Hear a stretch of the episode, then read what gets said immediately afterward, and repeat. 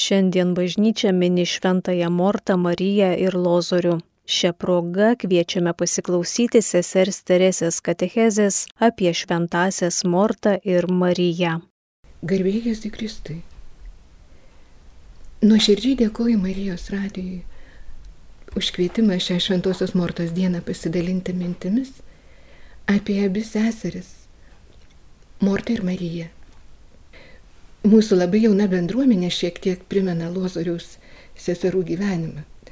Esame kontemplatyvaus gyvenimo seseris ir kartu su mumis besidalinantis malda pasauliečiai. Tai tarsi dviejų gyvenimo būdų bendrystė. Tų, kurios pasilieka viešpaties artumoje ir tų, kurie mūsų bendros maldos vaisius neša ten, kur viešpats juos siunčia. Į savo šeimą, darbo vietą, pas draugus, į gatvę ir taip toliau. Dabar norėčiau sustoti ties Evangeliją. Evangelija pagal Luką. Jiems keliaujant toliau, Jėzus užsuko į vieną kaimą. Ten viena moteris vardu Morta pakvietė jį paviešėti. Ji turėjo seserį vardu Marija. Šie atsisėdusi prie viešpaties kojų klausėsi jo žodžių. Morta buvo susirūpinusi visokių patarnavimų.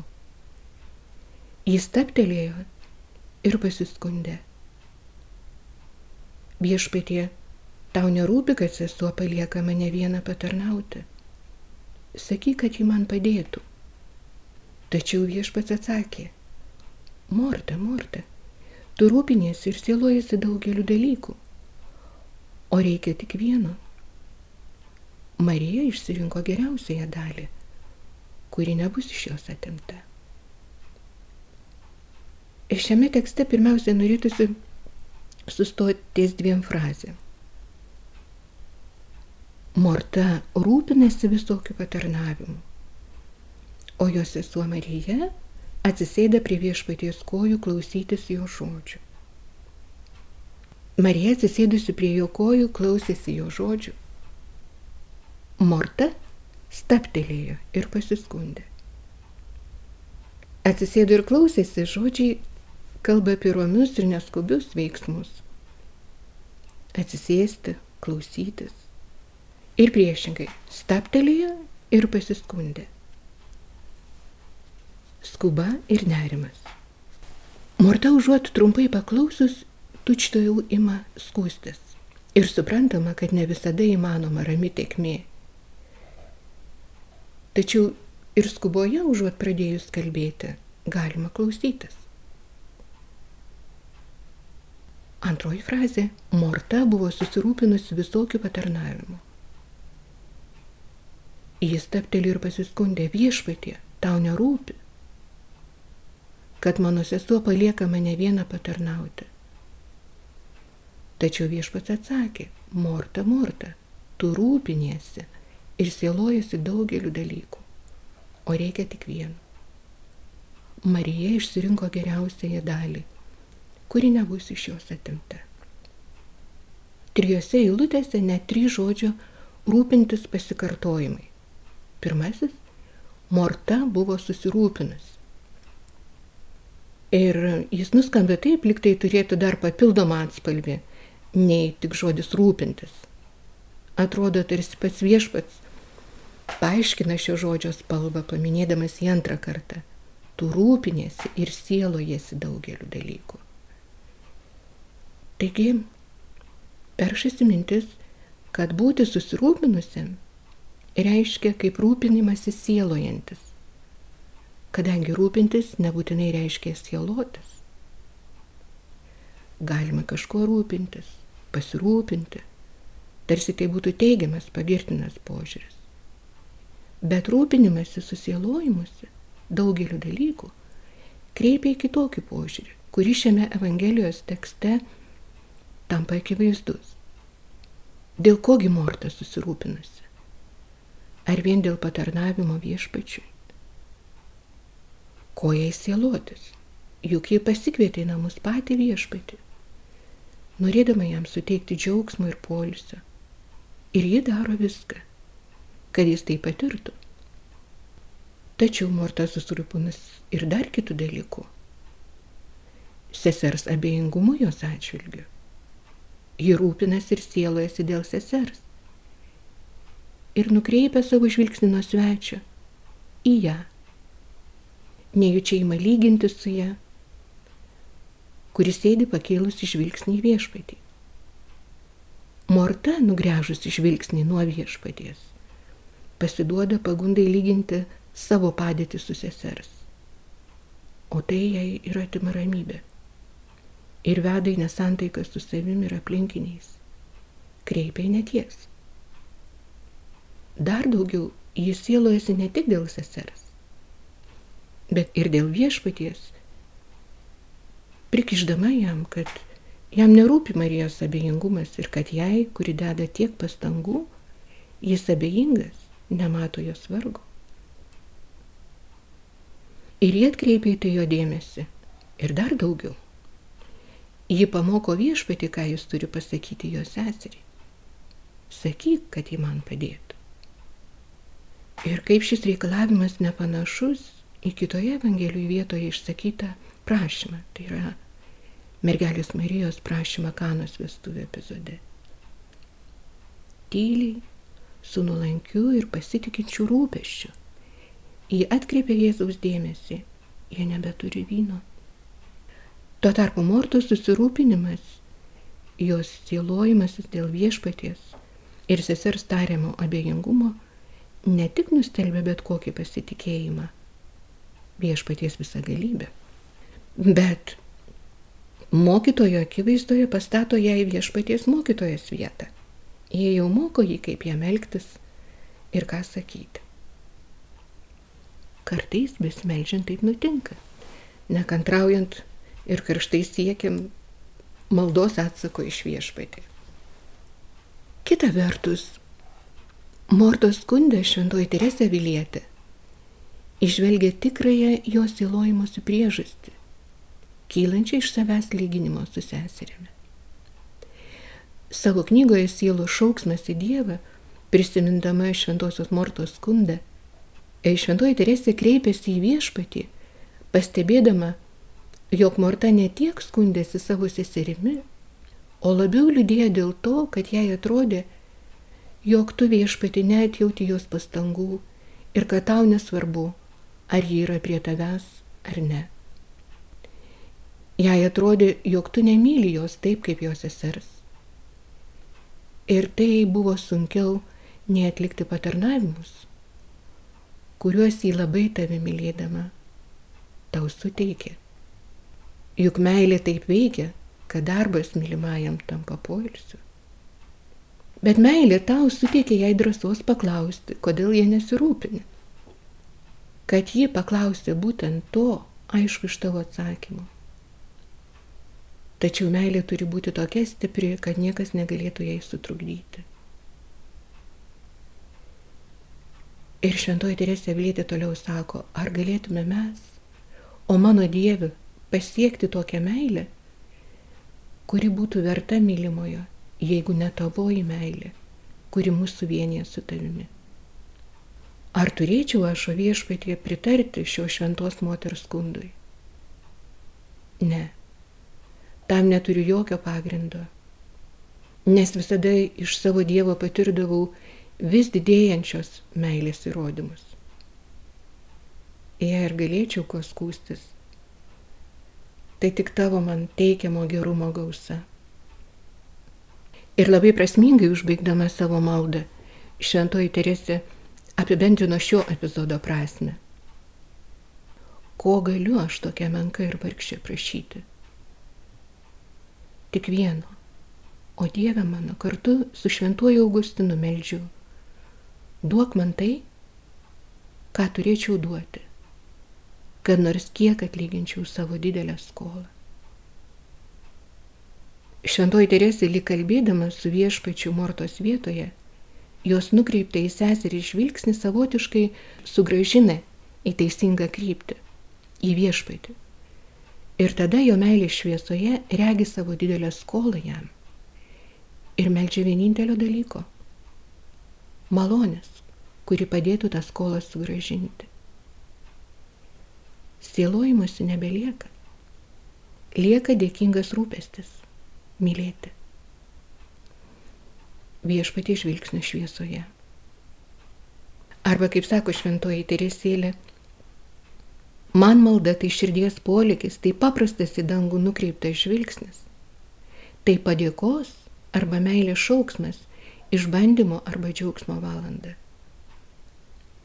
Pagaliau tai kažkas didinga ant gamtiška, kas pripildo mano sielą ir sujungia ją su Jėzumi. O kaip šventasis Augustinas išvelgia dar vieną prasme, komentuodamas Mortos ir Marijos epizodą mistinė prasme, morta priimanti viešpatį savo namuose atspindi bažnyčią, kuri dabar į savo širdį priima viešpatį.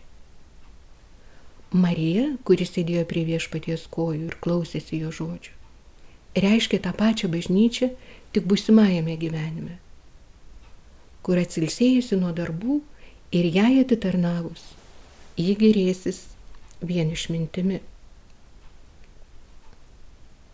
Iš viso perskaityto Evangelijos teksto gali kilti ir įvairūs klausimai. Pavyzdžiui, gal Mortos didelis rūpinimasis daugeliu namų ruošos reikalų yra didi artimo meilės išraiška. Apie tai pamoko šventasis Jonas Auksaburinis, kad didelis susirūpinimas namų ruošos reikalais nebūtinai reiškia didelius darbus ir didingą artimo meilę. Nes rūpintis dar nereiškia darbuotis. Ir galima daug dirbti, per daug nesirūpinant. Nes rūpinimasis ir darbas ne tas pats dalykas. Tačiau viešpaties mortai pasakyti žodžiai liečia ne darbą, ne namų ruošą, bet tai, kad reikia žinoti ir atpažinti laiką darbui ir laikas skirta klausimui, kurio nereikia supainioti su žemiškais dalykais. Viešpats jai kalba, sako šventasis Jonas Auksaburnis, nenorėdamas nukreipti jai nieko neveikimą, bet patraukti klausytis, kad ir vidury darbų jis tarsi sakytų, Aš atėjau pamokyti jūs būtiniausių dalykų, o tu nerimauji dėl pietų. Nori mane priimti ir suruošti prabangės vaišės. Paruošk man kitokios rūšies puotą. Pasiūlyk man uolaus klausimo iškilmės, kaip tavo sesė.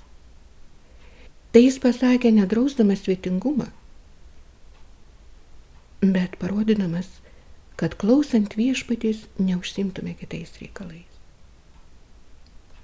Jei nuo Šventojo Augustino mes kaip bažnyčia, kaip morta pasikviečiame viešpatį, mišiose ir per komuniją jis ateina paviešėti mūsų širdies namus, kuo iš tiesų galėtume jį nudžiuginti ir ko labiausiai jam reikia. Ko jis labiausiai tikisi iš mūsų? Jis pasakė, kabodamas ant kryžiaus. Trokštų. Jam pakviestam į mūsų namus labiausiai reikia numaišinti tą nenumaišinamą troškulį. Ko trokšti viešpatie? Morta, Morta, trokštų tavo sielos, tavo artimųjų, tavo bendruomenės, tavo bendradarbių sielų kad tave ir juos pagirdyčiau savo krauju ir vandeniu iš savo perverto širdies. Mumise vėl atsikartoja viešpaties pokalbis su kita Evangelijos moterimi, Samarietė prie šulinio. Jei Jėzus sako, duok man gerti. Ir dar pridurė, jei tu pažintum Dievo dovaną ir kas yra tas, kuris tave prašo, duok man gerti rasi pati būtum jį prašysi. Ir jis tau būtų gyvojo vandens davęs. Ir dar jis priduria. O vanduo, kurį tau duosiu, taps versme vandens, trykštančio jam žinai gyvenimu. Štai čia ir prasideda tikroji veikla. Gavę tokio vandens kaip samarietė, paliekame asuoti ir kaip jį įmame nedelsint veikti, darbuotis jo karalystėje, bėgame į miestą apskelbti žmonėms apie žmogų, kuris jai viską pasakė, ką ji buvo padariusi. Kuris jau nebe tikriausiai, jau tikrai yra mesijas, mūsų prisikėlęs ir visą prikeliantis viešpas. Tik atsigėrę gyvojo vandens ir atsigaivinę iš viešpatie šono, tampame veiklus tikėjimo liudytojai. O čia pat mokiniams atnešusiems jiems žemiško maisto, viešpats paaiškina ir ne tik jiems, bet ir visų laikų mokiniams, kokios puotos jis tikisi. Aš turiu valgyti maisto, kurio jūs nežinote. Mano maistas vykdyti valią to, kuris mane siuntė, baigti jo darbą. Tėvas mums atsiuntė sūnų atpirkti mane iš bet kokios nelaisvės ir sugražinti į tėvo namus. Gal, vėlgi klausimas, gal Jėzus pabrėždamas Marijos kaip geriausią dalį išsirinkusios sėkėjos šiek tiek sumenkina veiklumą, rūpestingumą. Anaip tol. Nes jo nuoseklus Mokymo teisėjas apaštalas Paulius savo laiškė tesalonikiečiams ragina visus krikščionis tenktis ramiai gyventi, atsidėti saviems reikalams ir darbuotis savo rankomis. O laiškė fiziečiams jis ragina imtis triūsą, dirbant savo rankomis darbą, kad turėtų iš ko padėti stokojančiam ne tik savo.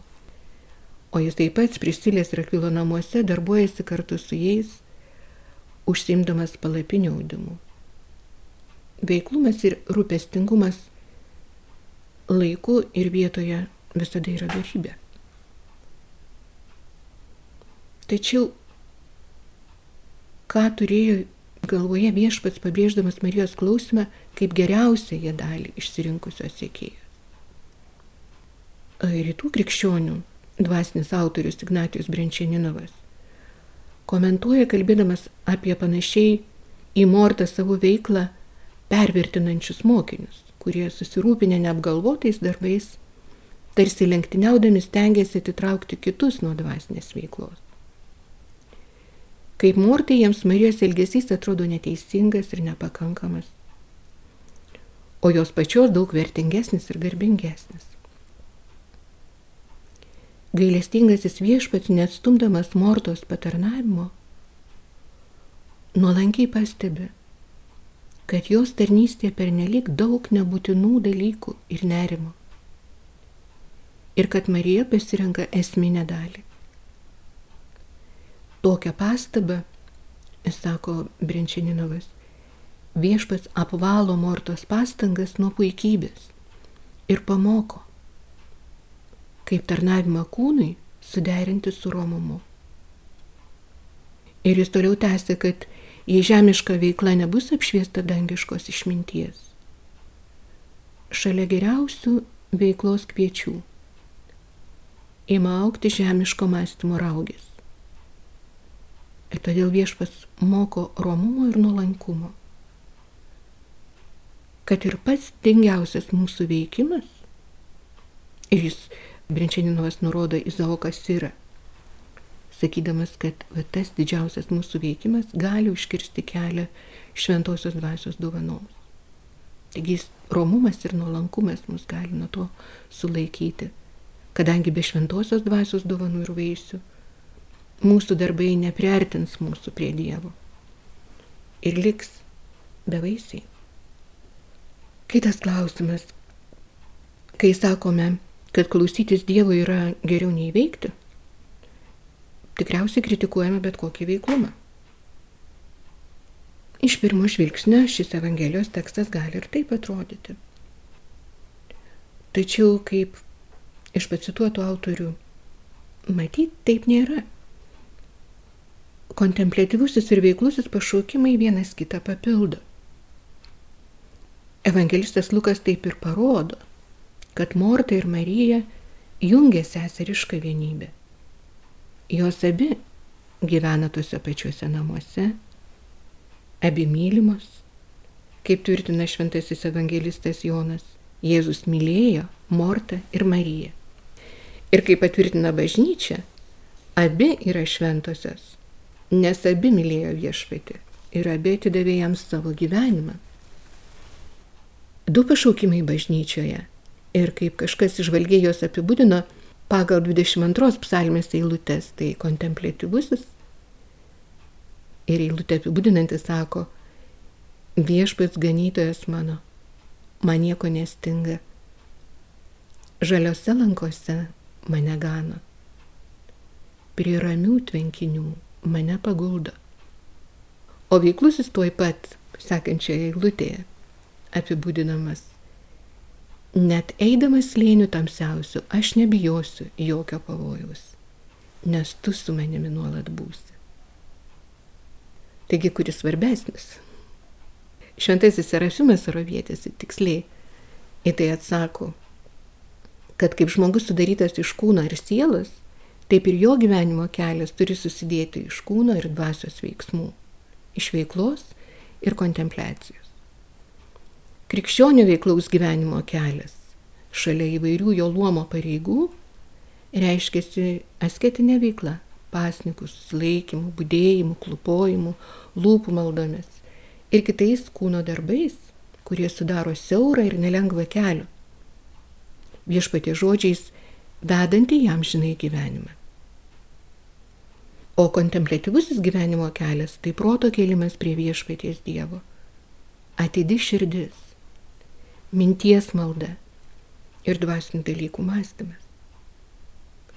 Ir toliau sako šventasis Serafimas Sarovietis, kas nori eiti dvasinio gyvenimo keliu, tas turi pradėti nuo veiklaus gyvenimo, o jau paskui siekti kontemplatyvaus, nes be veiklaus gyvenimo neįmanoma pasiekti kontemplatyvaus.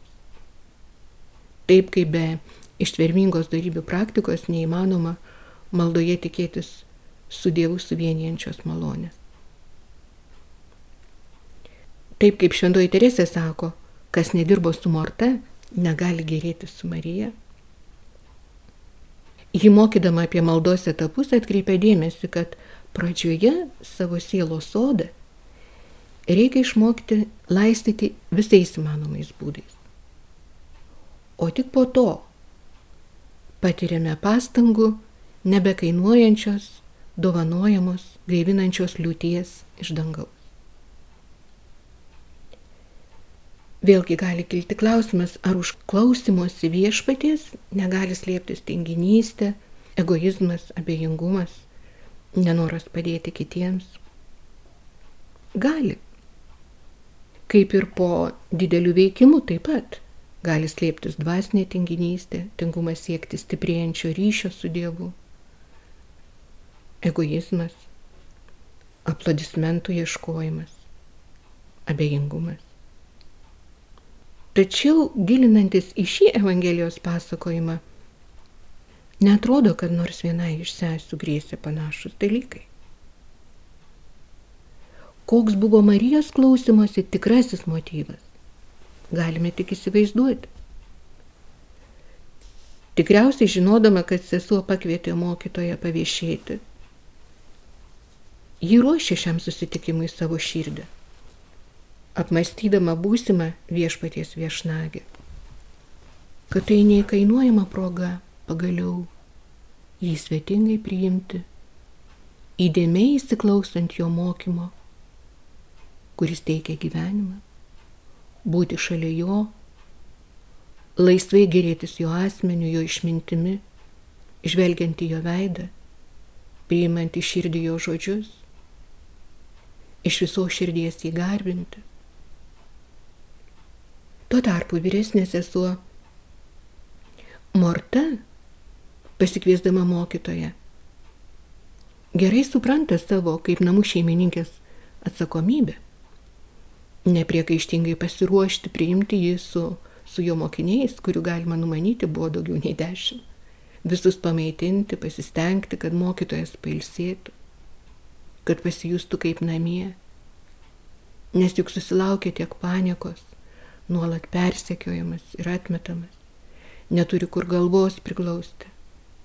Kaip kad pats yra sakęs, lapės turi urvus, dangaus pernuočiai lizdus, o žmogaus sunus neturi kur galvos priglausti. Suprantama, kad Morta iš viso širdies jam troško nepriekaištingų vaišių. Ir kad jos namai kaip visada jam būtų miela buveinė. Tai yra gera. Tai geroji mortos dalis. Bet jį baigėsi su vaišėmis. Tuo tarpu Marija pasirenka nesibaigiančią geriausią dalį, kuri nesibaigs su vaišėmis. Ir kas ta geriausiai dalis? Marija nepastebi nei sesers rūpeščio, nei jos nerimastingumo, atėjus viešpačiui. Ji nebando jos perkalbėti būti atidesniai svečiui. Ji tiesiog išgyvena stebuklą. Savo žmogiškas akis įsmeigusi į kalbantį Dievo sūnų. Ir įtampusi klauso jo žodžiui. Išgyvena geriausią dalį. Žiūrėti tai yra kontempliuoti Dievą tapusi žmogumi. Tai dalis, kuri nebus iš jos atimta.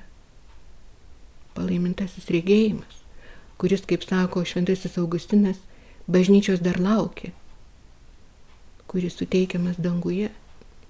Ir kaip moko pats viešpats. Palaiminti yra širdžiai, nes jie regės Dievą. Žiūrėdama į įsikūnijusią meilę, ji nebemato to, kas už ją mažiau žiūrėdama į įsikūnijusią meilę, Marija pati tampa meilė. Kad vėliau likus šešioms dienoms iki Jėzaus mirties, jį išlėto ant jo kojų brangius nardo kvepalus.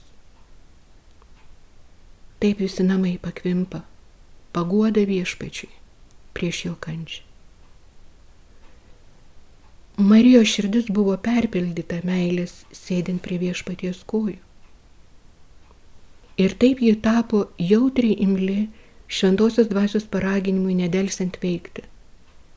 Tai yra iš anksto patepti savo mokytoją, karalių, jo laidotuvių dienai. Klausant prie viešpaties kojų, sunoksta geriausios dalies vaisiai paties viešpaties patepimas, kuris pranoko Marijos asmenį ir pripildė savo kvapnaus dvelgsmo visus namus. Tai yra visa bažnyčia. Apie šventasias Mortą ir Mariją kalbėjo sesuo Teresė.